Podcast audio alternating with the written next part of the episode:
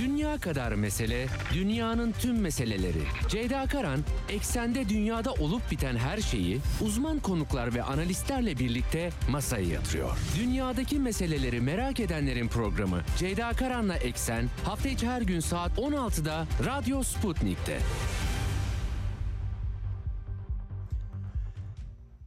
Eksenden merhabalar efendim. Bugün 5 Aralık 2022 günlerden pazartesi bir dünyadan haberlerle daha eksenle daha karşınızdayız. Hafta başındayız. Çok kalabalık bir gündem var. Ee, Rusya Federasyonu'nun Ukrayna e, müdahalesinde gerçekten cepheden dramatik gelişmeler var. Özellikle Artemos Bahmut diye anılan cepheden küresel e, çapta e, politikaya etkileriyle ilgili yine başlıklar var. Geçen hafta aktarmaya çalıştım size Fransa Cumhurbaşkanı Macron Amerika'ya gittiği devlet ziyaretiyle ağırlandı. Avrupa'nın sorunlarını da konuştu, Ukrayna'yı da konuştu. Putin'le konuşmak istiyor ama e, yanılmıyorsam son konuşmasını rivayet o ki Fransız gazeteciler önünde yaptığı için pek muhatap bulamıyor. Olaf Scholz'un açıklamaları, Joe Biden'ın açıklamaları var. Avrupa'dan notlar var. En başta da Rusya petrolüne tavan fiyatta e, anlaşma sağlandı. Bugün de zaten 6. paketteki petrol yaptırımları devreye girdi. Tartışmalar var. OPEC artı grubunun bir çevrim içi toplantısı var. E, kısıntıya gitmişlerdi en son pek değişiklik yapmıyorlar. Bununla ilgili notlar var aktaracağım e, sizlere. E, Çin'le ilgili dikkatler yine Çin'e çevriliyor. Çünkü 7 Aralık'ta Çin lideri Suudi Arabistan'ı ziyaret edecek. Araplarla bir zirve yapması bekleniyordu. Amerika'dan e, Pentagon şefinin Çin'le ilgili dikkat çekici açıklamaları var. Çin'de Covid kısıtlamaları da gevşetiliyor. Sıfır e, Covid politikası devam etmekle birlikte yerel düzeyde e, artık hafifle, hafifleyecek gibi bir görüntü ortaya çıkıyor. Orta Doğu'da da Suriye hepimizin dikkatleri Suriye'de özellikle Türkiye'nin bir gece ansızın gelebiliriz tırnak içinde politikası pek karşılığı olmadı. Gerçi Amerikan yönetiminin Türkiye'nin ne kadar değerli bir müttefik olduğu yolunda açıklamaları var. Ee, oradan da notları aktaracağım. Sizlere Cumhurbaşkanlığı Sözcüsü İbrahim Kalın'ın El Cezire'ye yaptığı e, açıklamalar var. Yine İran'da e, özellikle giyim kodları ile ilgili tartışmalara bir yenisi eklendi. Bu konuda yönetimin yeni kararlar almak üzere olduğu yolunda haberler var. Biraz karışık notlar. Ben de ne olduğunu anla, anlamaya çalışıyorum. E, hepsini aktarmaya çalışacağım. Bu hafta geçen hafta size aktardığım bir meseleyi ele almak istiyorum programın ikinci yarısında. Almanya parlamentosu Ukrayna'da e, neo-nazilerin sahiplendiği, daha ziyade antikomünist Sovyetler Birliği karşıtı dünyada anılan, Holodomor diye anılan ve soykırım olarak nitelendiren meseleyi parlamento gündemine aldı ve soykırım olarak tanıdı. Holodomor'u sadece Ukrayna'ya özel olarak sunuyorlar. Biraz e, maalesef tarih tarihi olaylarla ilgili bunların siyasileştirilmesi bu şekilde tabii ki siyasi ama e, bunun kullanışlı hale getirilmesinin bir başka örneği olarak karşımıza çıktı. Holodomor dedikleri aslında büyük bir kıtlık ve bütün Sovyetler Birliği coğrafyasında sadece Ukrayna'da değil çeşitli sebeplerle olmuş bir olay. E, bu konuda Cumhuriyet Gazetesi yazarı Mehmet Ali Güler'in geçtiğimiz hafta bir yazısı olmuştu. Ben gündem yoğunluğundan dönüp bakamamıştım. Bugün kendisini konuk edeceğim. E, bir soykırım pazarı adeta açılıyor. Tabii ki bu biraz siyaseten kullanışlı bir hale getirmek için yapılıyor. Parlamentolar üzerinden Türkiye'de yakından biliyor böyle girişimleri. Mehmet Ali Güler'in değerlendirmelerini alacağız. Neden Holodomor üzerinde böyle duruluyor günümüz koşullarında bu kadar e, aşırı sağcı bir yönetim Kiev'de başa getirilmişken ve BM onaylı Minsk anlaşmalarını çöpe atarak uluslararası hukuku ihlal ederek yani bir müdahaleyi, iç savaşa bir müdahaleyi tetiklediler. Bunca maalesef insan can kaybı e, meydana gelmekte. Ukrayna'nın e, Rusları görmezden geliniyor tabii her zaman olduğu gibi. E, Mehmet Ali Güler konuğum olacak. Hemen e, gündeme geçmek istiyorum. E, çok başlık var çünkü zaman sınırlı. Başlamadan hemen frekanslarımızı tekrar edelim. İstanbul'dan 97.8, Ankara'dan 96.2, İzmir 91, Bursa 101.4 ve Kocaeli 90.2 karasal yayın frekanslarımız. Bunun dışında Sputnik Türkiye'nin web sitesi üzerinden kulaklığı tıklayarak rahatlıkla Türkiye'nin her yerinden bizi dinleyebilirsiniz. Telegram hesabının linkini de paylaştım. Radyo Sputnik'e katılmanız, bizi dinlemeniz için kafi diyelim. Başlayalım eksene.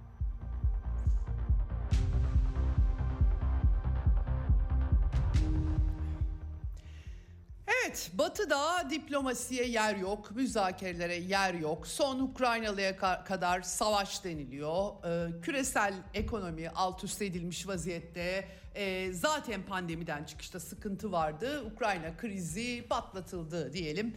Birleşmiş Milletler'in 22.01 sayılı kararı uygulansaydı, Minsk Anlaşması uygulansaydı, Ukrayna'nın devletliliği içerisinde Ukrayna'nın Ruslarının sorunlarına çözüm bulunabilseydi bu iç savaşın 2014'te başlayan iç savaşın bugün bu hale gelmesine tanıklık etmeyecektik. Çok büyük bir olasılıkla.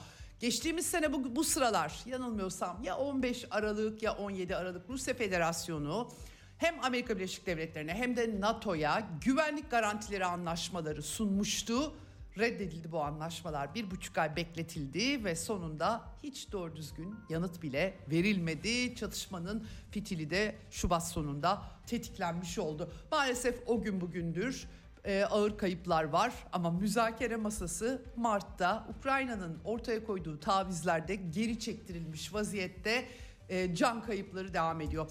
Hafta sonu e, YouTube kanalları artık sürekli onları izliyorum. Telegram kanallarını hakikaten ne olup bittiğini başka türlü anlamak mümkün değil. Çünkü batılı yöneticilerin söyledikleri doğru çıkmıyor efendim.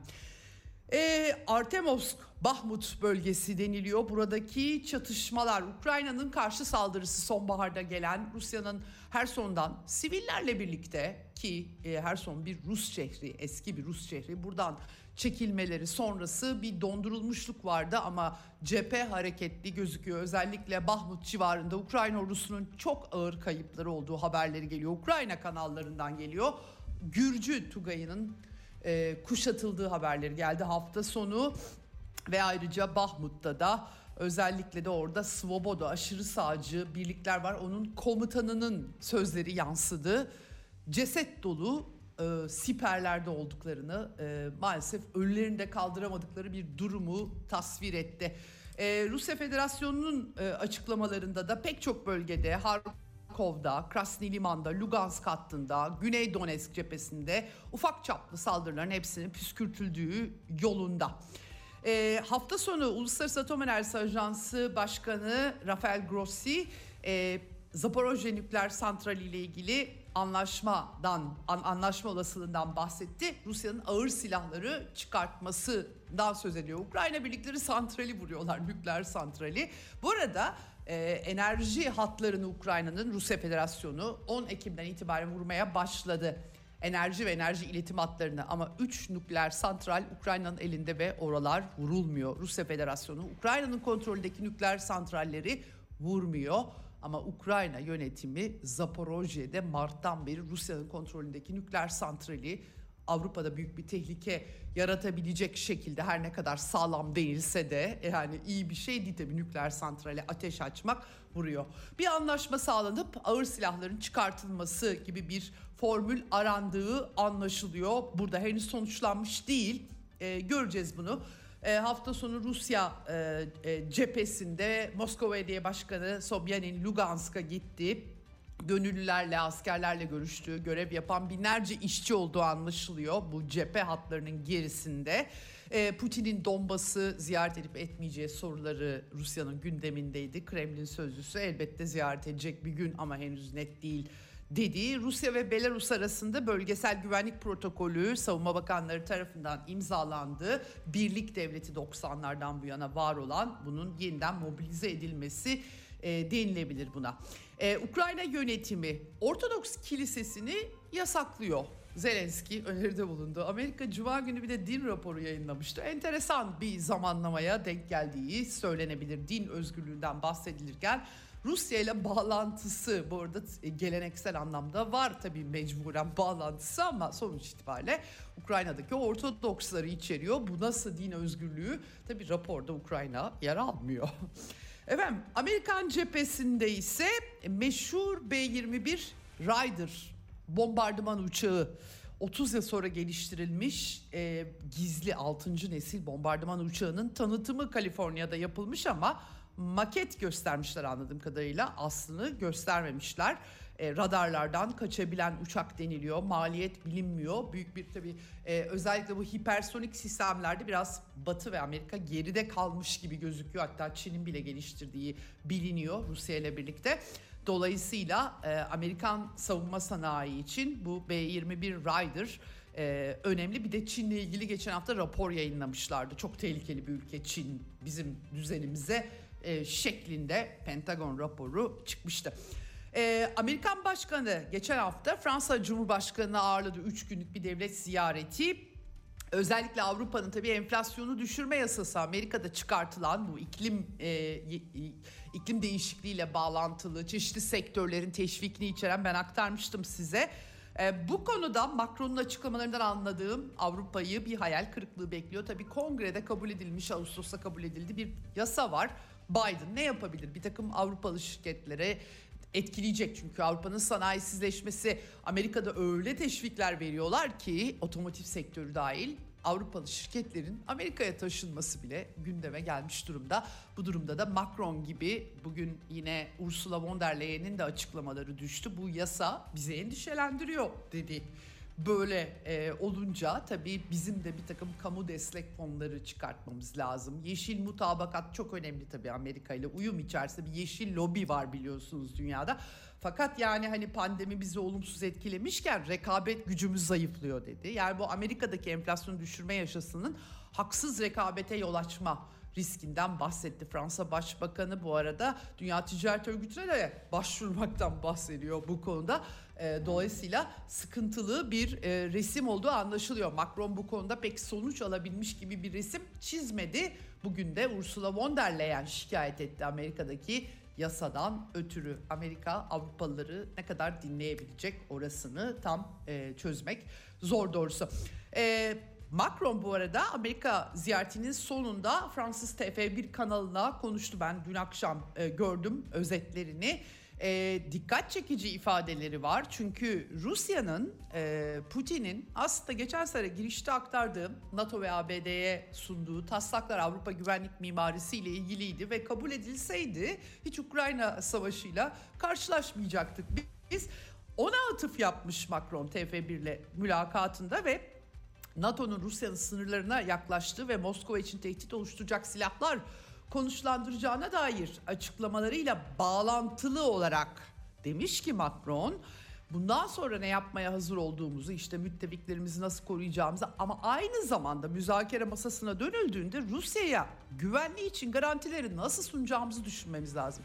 E niye geçen sene düşünmediniz? Ben anlamıyorum yani hakikaten şimdi döndü dolaştı birdenbire Rusya'nın endişelerini anlamak gibi bir söylem. Ukraynalılar hemen tepki göstermişler efendim buna tabii ki.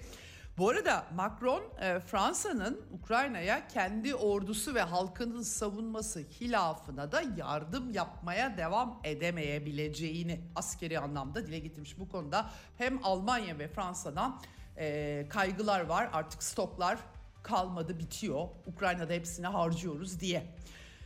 Evet şimdi Ukrayna'da Ulusal Güvenlik Konseyi Başkanı Alexey Danilov Macron'a tepki, göstermiş. Terörist ve katil bir devlete güvenlik garantisi verilemeyeceğini söylemiş. Valla Mariupol'e dalan aşırı sağcı neo-nazi ideolojisi her tarafında gamalı haçlar olanlar bana biraz daha terörist gibi geliyor açıkçası. Dolayısıyla neden bahsediyorlar diye sormak lazım. Batı'da tabii artık pop nazizm geçerli olduğu için bu soruları ay ne kadar şahane gamalı haçlar şeklinde e, vatandaşlara sunulduğu için biraz şekilleri falan da değiştirilerek falan enteresan bir resim oluşuyor. Ee, Almanya'nın bu arada Almanya'dan e, Fransa'dan hakikaten silah yetersizliği ile ilgili haberler gelirken Yunan basını da NATO'nun Yunanistan'daki depolardan Ukrayna'ya habire mühimmat taşıdığını haberleştiriyor efendim. Ee, İsveç ve Finlandiya'nın NATO üyelikleriyle ilgili Türkiye'nin koşulları vardı. Batılılar özellikle İsveçler yapacağız siz ne isterseniz yerine getireceğiz dediler. Terörle mücadele yasası da çıkarttılar. Ee, ve en son bir ismi 6 yıl 10 ay kesinleşmiş hapis cezası bundan Mahmut Tatı e, PKK KCK üyeliğinden Türkiye'ye iade etmiş durumdalar. Tahıl koridoru 13 milyon tonu geçmiş. Milli Savunma Bakanlığı açıklamayı yaptı. 520 gemi Ukrayna limanlarından ayrılmış. Pardon limanlarına gitmiş. 24 524 gemi de çıkış yapmış. Bunların hepsi denetleniyor malum. E, paketin Rusya bölümünün de uygulanması isteniyor tabii. Ve e, hafta sonu tart tavan e, petrol e, Rusya petrolüne tavan fiyat tartışmaları sona erdi. Yürürlüğe de girdi. Deniz yoluyla taşınan petrole e, ambargo e, uygulanması varil başına 60 dolarlık tavan fiyat getirilmesi kararı yürürlüğe girdi. Bir, bir tanesi 6. yaptırım paketi Haziran'da yanılmıyorsam çıkmıştı. Ee, AB ülkelerinin yanı sıra G7 ülkeleri. Gerçi kendilerine belli bir süre muafiyetle tanıyacaklar. o yüzden tam olarak nasıl uygulanacağını çok çözebilmiş değilim açıkçası. Çünkü bir sürü ülkeye de muafiyet var yani mesela Macaristan, katılmıyor buna. Deniz yoluyla alamayacak ülkeler e, özellikle tabii onlar karadan almak durumundalar falan. Böyle gerçekten e, enteresan bir e, resim var. E, nasıl uygulayacaklar bilmiyoruz ama Ursula von der Leyen e, bu sayede Rusya'nın gelirlerini azaltacaklarını aynı zamanda küresel petrol fiyatlarının da yükselmesini engelleyeceklerini iddia etti. İstikrar sağlayacağız dedi. Avrupa Birliği'nin bu kararı Amerika Birleşik Devletleri tarafından memnuniyetle karşılandı ama ee, Batı'da mesela The Hill gazetesi Amerika'nın e, tarihi bir fiyasko patlak verecek gibi yorumlar, başlıklar görüyorum. Bloomberg küresel ticarette hani kısa süreli kesintiler olabilir gibi laflar ediyor. Bu arada kendileri aslında bu e, ithalat yasağını önceki yaptırım paketlerinde zaten bir takım istisnalar ve düzenlemeler olduğu için çok da bir şey değiştirmeyeceğini söylüyor. O zaman niye böyle bir şey var? Gerçekten çok acayip. Yani anlamış değilim doğrusunu söylemek gerekirse. Gerçi geçen hafta konuşmuştuk enerji uzmanımız Mehmet Doğan'la. E, tuhaf bir akıl dışılık hakim. OPEC artı grubu bu arada çevrim içi bir toplantı yapmış. Rusya'nın da dahil olduğu petrol üreticisi ülkeler, ihraç eden ülkeler. E, 2 milyon varil azaltma kararını değiştirmiyorlar bu tavan fiyat kararından sonra. Üretim planında bir değişiklik yok. Haziranda normalde toplanacaklar ama yine de e, ayrıca toplantı yapabilirlermiş. Bu arada fısıltılar şimdiden başlamış vaziyette. Ben gördüm yani. Daha da fazla kesinti yapmaktan bahsediyorlar. Ee, Rusya zaten tavan fiyatı kabul etmiyoruz. Biz tavan fiyat uygulayan ülkelere petrol satışı yapmayacağız diyor ama bunlar e, başka ülkeler tarafından alınıp daha pahalıya da satılabilir tabii yani. Bunun önünde bir engel de e, yok. E, kesintiye Rusya gider mi? Gerekirse üretmeyiz diyor çünkü Rusya Federasyonu yetkilileri. Fakat o zaman da zaten Hindistan'a ve Çin'e satıyorlar. Ha bu arada Çin'de pandemi kes kısıntıları da kaldırıldığı için artık üretim daha full yapılabilecek. Enerjiye daha çok ihtiyaç olacak. Dolayısıyla hakikaten ben etkisini çözemiyorum. Biraz Avrupa Birliği şovuymuş gibi bir resim çıkıyor ortaya. Ee, Rusya Federasyonu biz inceliyoruz, ee, bakacağız. Ee, ayrıca e, bu aracın kullanımını men edecek mekanizma üzerine çalışıyoruz diyor. Bu arada gazda da e, Avrupa'nın gaz rezervleri tabii artık kış başladı. Almanya'da belli yerlere kar da düşüyor. E, bu sene dolduruldu tabii ki depolar. Çok da kötü değil. Biraz da hatta mevsimler kış daha da geç gelmiş gibi gözü gibi gözüküyor ama bundan sonrasının kimsenin bir garantisi Yok böyle bir resim var. Ee, bu arada habire Rusya LNG'si satın alıyorlar pahalı pahalı. Yani Amerikan LNG'si ayrıca Rusya LNG'si de alıyor Avrupalılar. Enteresan bir Avrupa ile karşı karşıyayız. Olaf Scholz e, Almanya'da bir yıllık başbakanlık süresi doluyor. Bir video mesajı yayınlamış. Orada işte 100 milyar euroluk ekonomik paket çıkarttık. Alman ordusuna bir de 100 milyar euro. Avrupa'nın savunması bizden sorulur diyor bugünkü açıklamalarında aynı zamanda kendisi. Çok enteresan hakikaten Almanya yeniden bir askeri liderlik 2. Dünya Savaşı'nda Nazilerden sonra bununla mı ortaya çıkacak? Tabii Rusya'yı e, eleştirmiş, Ukrayna'ya karşı yürüttüğü acımasız savaş vurgularıyla açıklamaları var Olaf Scholz'un. İtalya'da da Roma'da ve Milano'da binlerce kişi NATO'ya hayır, savaşa hayır pankartlarıyla, kızıl bayraklarla yürümüşler. Ee, özellikle de e, silahları indirin, maaşları arttırın diye de e, yazmışlar pankartlarının üzerine. Evet. E, Fransa'nın başı Kafkasya bağlamında belada gibi gözüküyor. 15 Kasım'da Fransız Senatosu Ermenilerin yanında saf tutan bir karara imza atmıştı Azerbaycan'ı suçlayan. E, onun ardından Fransa e, Alt Meclisi de e, böyle bir karar, benzer bir karar almış. Bağlayıcılığı yok fakat Azerbaycan Avrupa Birliği'nin e, Kafkasya'da barış için görüşmelerine ki Ermeni tarafı Paris'te olsun istiyor. Yok biz katılmayız. Brüksel'de yapılacak toplantıya katılmayacakmış Azerbaycan hatta nota da vermişler. E, Fransa hükümeti de yok bizi bağlamıyor bizim politikamız öyle değil diyor ama tabii e, problem yaratıyor Fransızlar için. Evet e, şimdi ha bir de e, Twitter cephesinde Elon Musk Twitter'ın eski yönetimini liberal yönetimi ifşa etti. Hunter Biden haberlerinin laptopu ilk bulunduğunda ben okumuştum. Amerikalı muhalifler yazmıştı fakat ne oldu? Hatta muhalifler de değil yani ana akım medyada da e, çıktı çıkmadı değil bu e, e, haberler ama hemen sansürlediler tabii. New York Post yazmıştı Hunter Biden cesaret edebilmişti daha doğrusu. Ee, biliyorsunuz liberaller kendi istedikleri gündemlerin dışında herhangi bir şey tartışılsın, konuşulsun, paylaşılsın istemiyorlar. Komplo teorisi dediler o zaman. Sonra ne oldu? Ukrayna kriziyle arada sıkıştırdı Biden yönetimi. Ya evet bizim oğlanın da böyle bir laptopu varmış gibisinden hakikaten feci şeyler var. Normal koşullarda Amerikan medyasının sallanması gerekirken sallanmıyor. Neden? Çünkü o medyada liberallerin elinde onların istediği işte Twitter'a da sahiptiler. Bu haberlerin dolaşımını engellediler. Şimdi Elon Musk'tan bunun için rahatsızlık duyuyorlar. Adam da e, Twitter leaklerini diyelim yayınlamaya başladı. E, bu e, tabii ba- başka şeyler de vardır muhtemelen. Kendi yazışmaları var e, çeşitli gerekçelerle bazı şeyleri yasaklıyorlar. Biden yönetimi istemiş bunu durdurun diye seçimden önce çünkü bunlar tabii Biden'ın seçilmesini etkileyebilirdi. Ee, Elon Musk bu arada e, suikast riski altında olduğunu söyledi. Özellikle de Hunter Biden'la ilgili son sızıntının ardından. Vay hakikaten vay yani herhalde Twitter'ı satın aldı ve böyle şeyler yapıyor diye artık biliyorsunuz absolutist diyorlar mutlakçı ifade özgürlüğü mutlakçısı diye eleştiriyorlar. Liberaller öyle diyor bakınız. İfade özgürlüğü ve basın özgürlüğünün geçmişte şampiyonu olan Amerikalı batılı liberaller ifade özgürlüğü olsun, eleştirel düşünce olsun, karşılaştırmalı olsun diyenlere mutlakiyetçi diyorlar. Böyle acayip bir dünyada yaşıyoruz. Akıllarını yitirecekler yakında diye korkuyorum doğrusu. Evet, Edward Snowden ve Julian Assange ile ilgili de anket yaptı Elon Musk ve bu konuda savaş suçları ve çeşitli sırlı Amerika'nın sırlarını ve savaş suçlarını ortaya sermişti bunlar. Ee, Snowden Rusya'ya kaçmak durumunda kaldı çeşitli Latin Amerika üzerinden ve en son vatandaşlık da e, imza e, kararnameyi imzalamıştı Putin. Assange Belmarsh hapishanesinde bin bir suçlama İsveç geri çekti suçlamaları gerçekten casusluk yasasıyla yargıladılar e, 20. yüzyılın başlarından kalma filan. E, katılımcıların yüzde sekseni affedilmesi konusunda onay vermiş. Yüzde yirmi hayır demiş de kim affedecek? Niye affedecek? Yani ne yapmış ki bu insanlar affediliyorlar diye de sormak lazım yani kirli çamaşırları yayınlamak af meselesi haline mi gelmiş oluyor diye tabii ki sormak gerekiyor. Avrupa İnsan Hakları Mahkemesi'ne Julian Assange bu arada e, için e, başvuru yapılmış bakalım. Ne yapacak Avrupa İnsan Hakları Mahkemesi?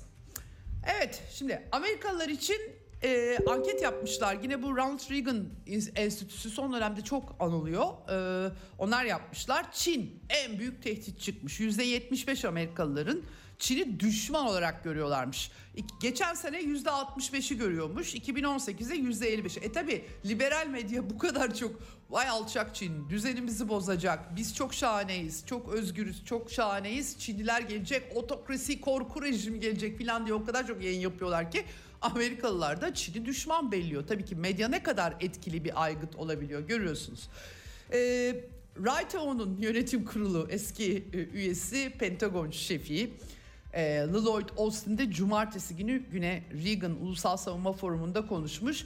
En üst düzeyde Pentagon'un önceliği Çin. Çünkü Çin uluslararası sistemi değiştirmeye çalışıyor. Korku rejimi kuracak. Bence yiyecek Çinliler hepimizi böyle kaynatacaklar kazanlarda yiyecekler. Efendim ulusal e, savunma stratejisini e, ana rakiplerine göre ayarlayacaklarmış. Öyle söylüyor. Amerika izin vermeyecek Çin'in uluslararası sistemde yükselişine diye bir vurgu e, yapmış. Şimdi Çinliler de dikkatlerini Araplarla zirveye diktiler. 7 Aralık'ta Suudi Arabistan'ı ziyaret ediyor Xi Jinping. Pandemi sonrası artık uluslararası platformlarda daha çok görüyoruz. Bir de Arap zirvesi yapacak bu vesileyle diye haberler vardı. Ee, bu vesileyle yeni işte Çin-Arap işbirliği e, raporları filan yayınlanmış vaziyette.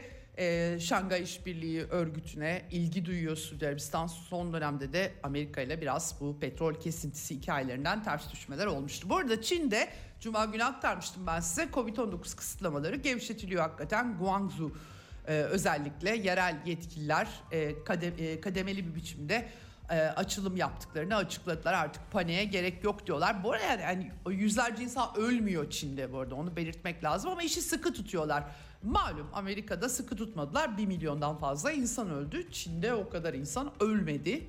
Ee, şimdi Batı medyasında gerçekten çok acayip protestolar. Tabii insanların burasına gelince Aa, yeter artık bu kadar kısıtlamalar dediler.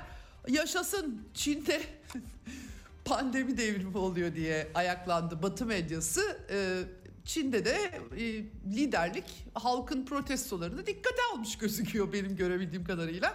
Fakat şimdi de hmm, çok tehlikeli pandemi ya yayılırsa gibi başlıklar atıyorlar. The Guardian gazetesi birkaç gün arayla hakikaten böyle başlık atmış. Yani gerçekten çok tuhaf.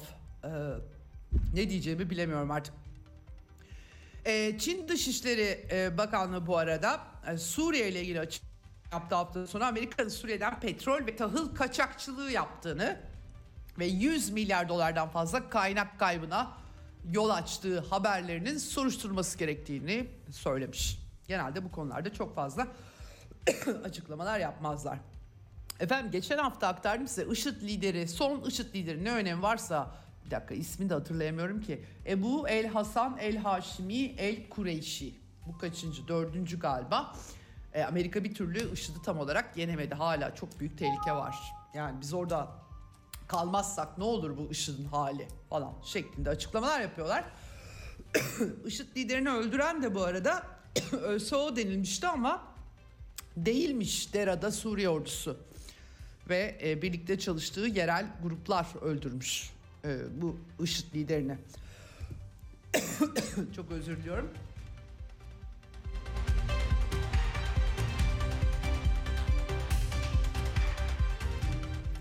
Evet Suriye ordusu bu arada Suriye'nin kuzeyinde Türkiye'nin yeni harekat olası harekat sahalarında e, takviye birlikler, tanklar, zırhlı araçlar, ağır toplar taşımış Rusya'nın da belli yerleri tahkim ettiği haberleri var.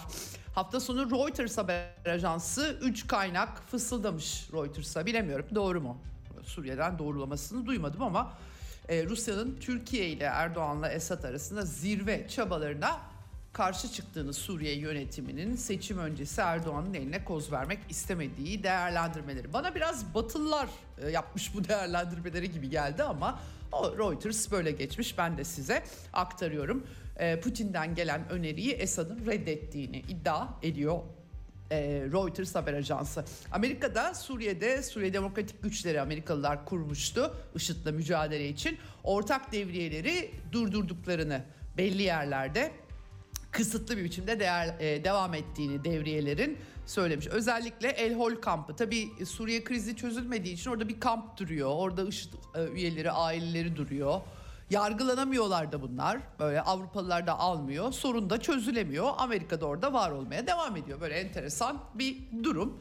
Ee, işte e, kamp etrafında devriyeler geziyormuş. Suriye Demokratik Güçleri tüm ortak operasyonlar durdu diye açıklama yaptı ama pek öyle değil gibi. Anlayamadım. Durdu mu durmadı mı çözemedim. Ee, Suriye Demokratik Güçleri ya da işte oradaki yapı da tabii e, bu sayede bu şekilde var olabildiği için onlar da Aa, IŞİD'le mücadele bitmedi tabii diyorlar. Böyle bir durum. Ama Cumhurbaşkanlığı Sözcüsü e, İbrahim Kalın El Cezire kanalına konuşmuş ve E, kimseden izin istemeyiz biz demiş. Ne Amerika ne Rusya izin vermedi söylentileri var son dönemde ya da verdi söylentileri var da bir şey olmuyor. Zamanlama da tartışılıyor. E, Esad'la görüşme konusunda ama acil bir planımız yok. Cumhurbaşkanı demiş yani Erdoğan'ı kastediyor. Sorumlu davranırsan güvenlik endişelerini giderirseniz şans vermeye hazırım diyormuş Cumhurbaşkanı Erdoğan Esad'a. Yani açıkçası biraz zor bu görüşme gibime geliyor bu söylem biçimiyle. Ama tabii aksi de biraz geri fazla geri adım olarak algılanabilir. Dolayısıyla enteresan bir resim çıkmış durumda. Ve son olarak İran e, hafta sonu e, Genel Başsavcı e, Cumhurbaşkanlığı ve Meclis'in e, türban konusu üzerinde çalıştığını ve sonucun açıklanacağını söyledi. İşte irşat devriyeleri, mesaimini protestoların başlamasına sebebiyet veren bunların kaldırıldığı ahlak devriyesi diye çeviriyorlar. Biraz yanlış galiba ama tam e, kültürel olarak e, şey yap, e, anlatmıyor. Ee, ama bunun doğru olmadığını söyleyenler var. Ben açıkçası çözemedim tam olarak ne olduğunu. Çok e, batı kaynaklı haberlerde böyle geçtiğini aktarayım size. Bu hafta bu konuyu da ayrıca e, işlemeye çalışacağımı belirteyim. Evet ve e, hemen konuğuma dönmek istiyorum. Telefon hattımızın diğer ucunda e, Cumhuriyet Gazetesi yazarı, e, gazeteci yazar Mehmet Ali Güler var. Hoş geldin Mehmet Ali yayınımıza. Hoş bulduk. İyi yayınlar diliyorum. Sputnik dinleyicilerini de saygıyla selamlıyorum. Çok teşekkürler Mehmet Ali. Ee, şimdi e, geçtiğimiz hafta senin çok dikkat çekici bir yazım vardı. Ben de burada aslında aktardım. Holodomorlu meselesiyle ilgili e, ara sıra hep gündeme gelir. İtibarlı tarihçiler nedir ne değildir yazarlar çizerler. E, geçen hafta Almanya parlamentosu hafta ortasında e, Holodomor'u soykırım olarak tanıma kararı aldı. Şimdi tabii bu tarihsel bir vaka, bir kıtlık çok büyük bir coğrafyayı etkilemiş. E, fakat bu e, bu tarz meclis kararlarıyla da bir anda böyle günümüze taşınan bir takım siyasi e, aygıt haline geliyor. Öncelikle e, şu e, Holodomor meselesine çünkü bunun e, Batı kanallarında propagandası da yapıldı nedir ne değildir bir e, sana e, sorarak başlamak istiyorum. E, ardından Almanya neden böyle bir şey yapıyor diye soracağım. Şimdi Holodomor Ukrayna dilinde insanların kasıtlı olarak aç bırakılıp ölüme mahkum edilmesi anlamına geliyor. E, bunu e, Batı ve Ukraynalı milliyetçiler e, esas olarak işte Sovyetler Birliği döneminde Stalin Ukrayna'da insanları açlığa mahkum etti. İşte 4,5 milyon insanı aç bırakarak öldürdü diye Holodomor trajedisi diye uzun yıllar propaganda yaptılar. Hatta yani bu işlerde abartı o kadar e, arttı ki 4,5 milyon e, zaman zaman çeşitli yayın organlarında 8-10 milyonlara kadar da çıkarıldı. Şimdi tabii nedir bu Holodomor? Aslında Holodomor e, bir batı kapitalizminin bir olayı nasıl kendi çıkarları için kullandığının çok önemli bir örneği. Olay şu e, aslında o tarihlerde öncesinde ve sonrasında Çarlık Rusyası döneminde de Sovyetler Birliği döneminde de e, çeşitli bölgelerde Ukrayna'da dahil, Volga bölgesi de dahil, Kafkaslar'da dahil çeşitli bölgelerde zaten kıtlıklar dönem dönem olabiliyordu. Kıtlığın tetiklediği salgınlar da oluşabiliyordu. Şimdi bu e, kayıtlarda var. Bu, bu bahsedilen Holodomor aslında mevcut bir kıtlığın Ukraynalı toprak zenginleri tarafından aslında e, kışkırtılmasıyla başlamış bir durum. Nasıl kışkırtılması? O da şu. Aslında olan şu. Stalin taremi kolektif, e, kolektifleştirme e, politikası ilan ediyor. Fakat bu e, toprak reformu e, dediğimiz kısaca bu gelişme Ukraynalı toprak zenginlerini rahatsız ettiği için o toprak zenginleri bu e, hamleye karşı çıkıyorlar ve Stalin'e karşı da bir hamle olabilmesi için de tarımsal üretimi durduruyorlar. Bu da zaten evet. Ukrayna topraklarında 1932-33 e, sezonundaki mevcut kıtlığa ve onun daha da e, büyümesine neden olmuş oluyor. Başka yerlerde de benzer bir şey var e, değil mi? Başka yerlerde de var. Aynı tarihlerde Volga'da var. Aynı tarihlerde Kafkaslar bölgesinde de var. E, zaten gerçekte şu yani o dönem kıtlıkta 3 milyon insan ölüyor.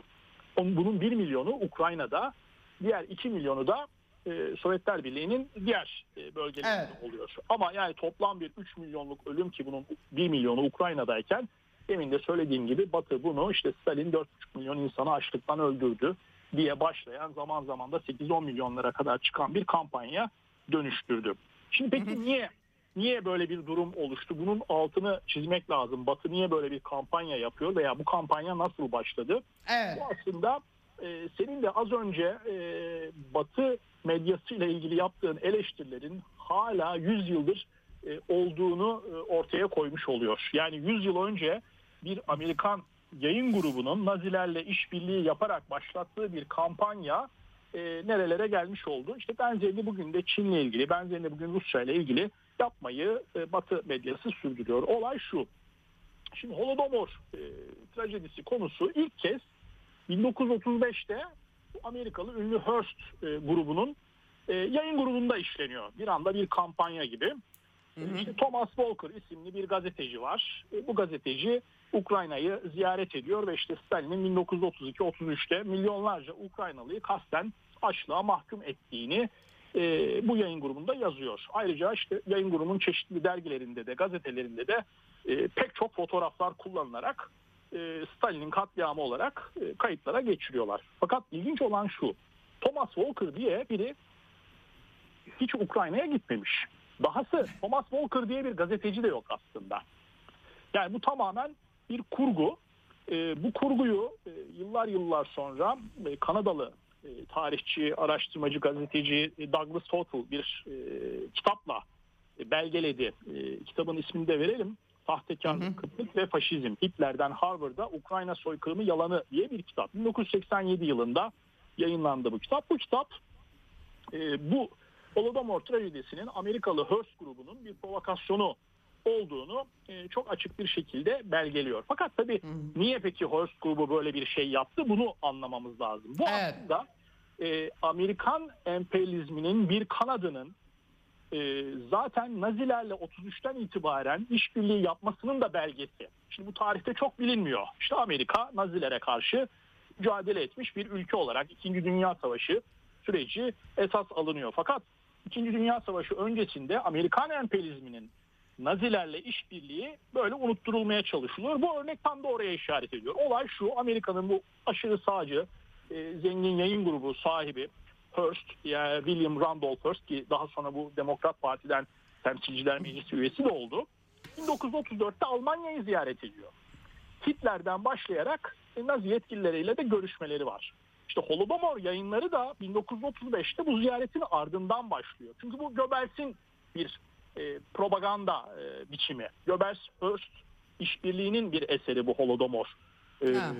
trajedisi kampanyası. Niye? Çünkü Almanların bir yaşam alanı stratejisi var. Jeopolitikçi bir anlayışla diyor ki e, Polonya topraklarında ve Ukrayna topraklarında Almanlar var.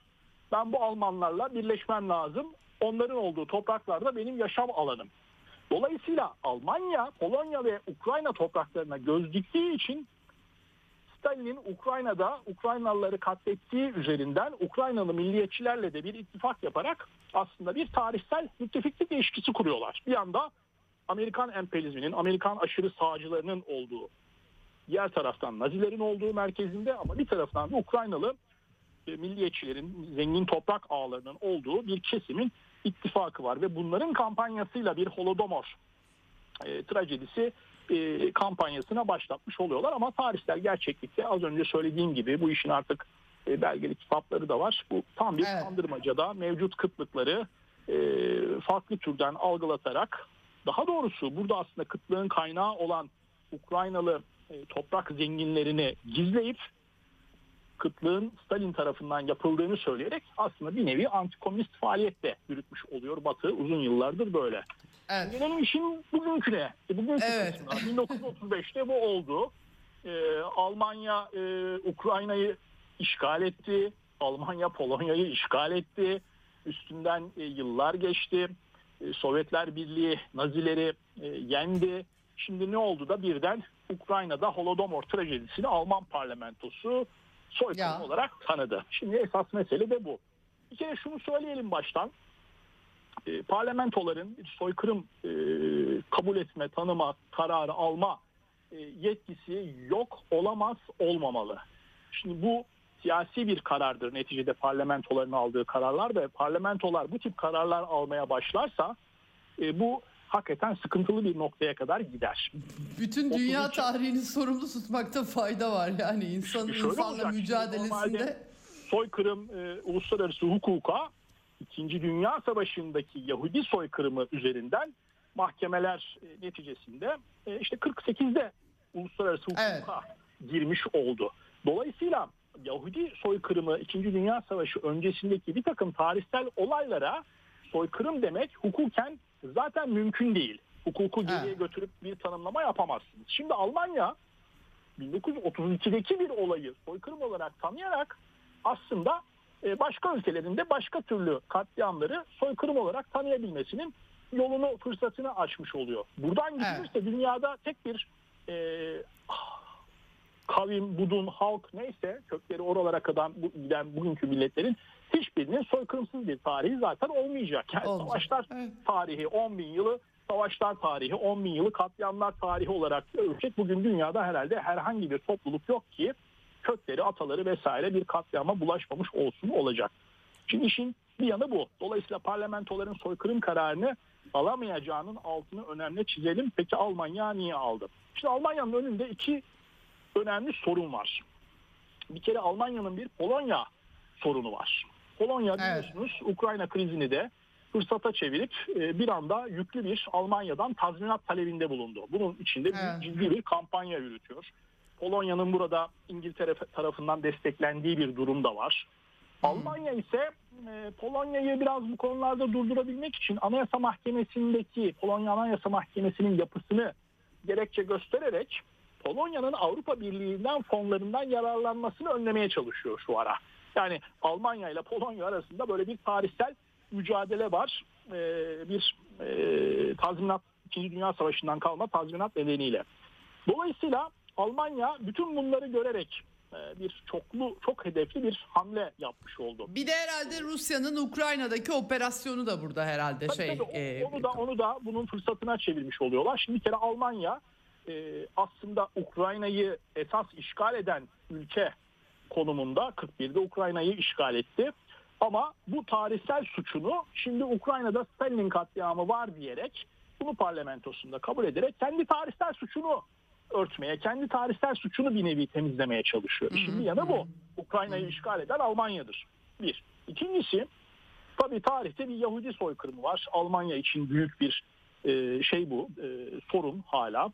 E, şimdi bu tarihsel olarak da tek soykırım kabul edilmiş durumda. Sonra Ruanda vesaire var ama hani büyük bir soykırım olarak e, kayıtlara geçmiş bir Alman soykırımı olarak, Nazi soykırımı olarak mevcut ve tek soykırımcı olma durumunu da Almanya örtmeye çalışıyor.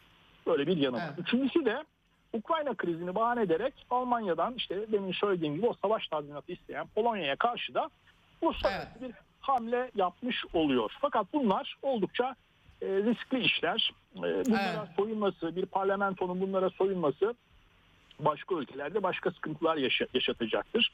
E, kaldı ki emperyalist devletlerin parlamentoları aracılığıyla almış olduğu bu soykırım kararlarının soykırımı yaptığı iddia edilen tarafa da soykırıma uğradığı iddia edilen tarafa da hiçbir yararının olmadığı aslında emperyalistlerin çıkarları için bu kararların alındığını da biliyoruz. Nereden biliyoruz? Ermeni soykırımı iddiasından biliyoruz. Bu soykırımın e, soykırımın bir emperyalist iddia olarak Amerika ve Fransa ve sonra da başka ülkeler tarafından ortaya atılması ve kullanılmasının ne Türkiye'ye ne de Ermenistan'a hiçbir yararı olmadı. Tersine Ermenistan bu soykırım iddialarının e, altında Kafkasya'da denize açılamayan, Türkiye ile e, normalleşememiş, e, Azerbaycan'la sorunlar yaşayan, kapalı, gelişememiş bir e, ülke durumunda kalmış oldu. Ama bu işten Evet. Amerika ve Avrupa yararlanıp bu kriz üzerinden Kafkasya'da nüfus kullanabilmek, Ermenistan üzerinden Türkiye'yi ve e, Azerbaycan'a karşı hamleler yapabilmenin aracı olarak gördükleri için bu tip soykırımları kullandılar. Bakın başımızda bir tane daha var şu anda. Onu da söyleyelim. 8 Aralık'ta Amerika'da 700 sinemada birden Yunanistan'ın bugüne kadarki en büyük bütçeli filmi yayınlanacak. Nedir bu film? Evet. İzmir yangını. İzmir yangını, İzmir'in e, 100. yıl dönümü e, İzmir e, işgalini e, Yunanların kaybetmesinin, denize dökülmelerinin. Şimdi onun karşı propagandası olarak e, Türkler İzmir'i yaktı. e, Türkler bir soykırım yaptılar iddiasıyla bir İzmir soykırımı var iddiasıyla Amerikan televizyonlarında bir Yunan propagandası olarak böyle bir şey yapılacak. Zaten bu konuda bir süredir çalışıyorlardı. Şimdi parlamentoların bu kararları alması bu tip e, işleri e, arttırıyor. Böyle olunca da herkes birbirine karşı komşular, savaşanlar, tarihte karşı karşıya gelmiş olanlar birbirlerine karşı tarihin içinden yeni düşmanlıklar bularak e, bir takım propaganda e, çalışmalarına başlamış olacak. Ama bunun kimseye bir yararı olmayacak. Evet. Bu konuda bir The Guardian'da olarak- hakikaten detaylı ben de e, okudum e, sayende senin ben kaçırmışım çünkü e, hakikaten enteresan da bir yazı e, var bununla ilgili E, birkaç gün önce yayınlanmış ya- yanlış Evet, hatırlamıyorsam. Ya şunu da. Kasım Bu sonu. 8 Aralık'ta kampanyası olacak bu İzmir yangını filminin ama bu konuda gerçekler nedir derseniz geçen ay e, değerli e, kıdemli gazeteci büyüğümüz Yaşar Aksoy'un e, Evet. İzmir yangını diye Kırmızı Kedi yayın evinden bir kitabı çıktı. Yani burada hem Yunan iddialarını hem Türk iddialarını hem Ermeni iddialarını ortaya koyan dönemin itfaiye teşkilatı e, müdürünün raporunu ortaya koyan, dönemin büyükelçilerinin raporlarını ortaya koyan çok önemli tarihsel bir belge. O belgeye dayanarak da dinleyicilerimiz İzmir yangını konusunda bir yargıya varabilirler. Evet. Çok teşekkür ediyorum Mehmet Ali e, değerlendirme için. Hakikaten önemli bu e, aktardıkların. Çünkü çok fazla bilinmiyor ve e, parlamentolar böyle kararlar aldığında da insanlar Aa öyle mi olmuş acaba falan nasıl olmuş fazla detaylarına bakmadan gerçekten e, bu e, belli bir siyasetin arkasında rahatlıkla hizalanabiliyorlar. E, bütün e, siyasi ideolojik her şeyden arındırarak insanlık tarihindeki mücadeleleri farklı bir yere evirebiliyorlar. Çok teşekkür ediyorum değerlendirme için. Ben teşekkür ediyorum. İyi yayınlar diliyorum. Evet Mehmet Ali Güller'e e, sordum değerlendirmelerini aldım. Ben de vaktiyle bu konuda e, Rusyası da Golodomor bu arada G harfi H sesi bu şekilde kullanılmadığı için diye geçiyor. Bütün eski Sovyet coğrafyasında ekonomik siyasi koşulları olan büyük bir kıtlık ve bu e, maalesef Ukrayna'da 2. Dünya Savaşı öncesinden itibaren aşırı milliyetçi, negatif e, milliyetçilik bugün dönüştüğü haliyle bunun bir sembolü haline geliyor. Bir tek bizim başımıza geldi. Aslında size aktarmaya çalıştım işte Çinliler kaynatıp insan yiyecekler edebiyatının farklı e, evrilmiş bir biçimi olarak görmemiz rahatlıkla mümkün. Efendim bu arada Dünya Kupası'ndan son notla aktarayım. Arjantin çeyrek finale çıktı. Fransa çeyrek finale çıktı. Britanya, İngiltere çıktı. Pardon, İngiltere demem gerekiyor. Onlar da e, Fransa ile karşılaşacak. Hollanda çıkmış durumda. Brezilya ve İsviçre var.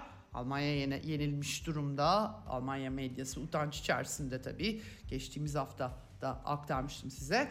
E, böyle bir Katar'daki Dünya Kupası'ndan da not aktarmış olayım. Bugün yarın görüşmek üzere Eksen'den. Hoşçakalın. Ceyda Karan'la Eksen sona erdi.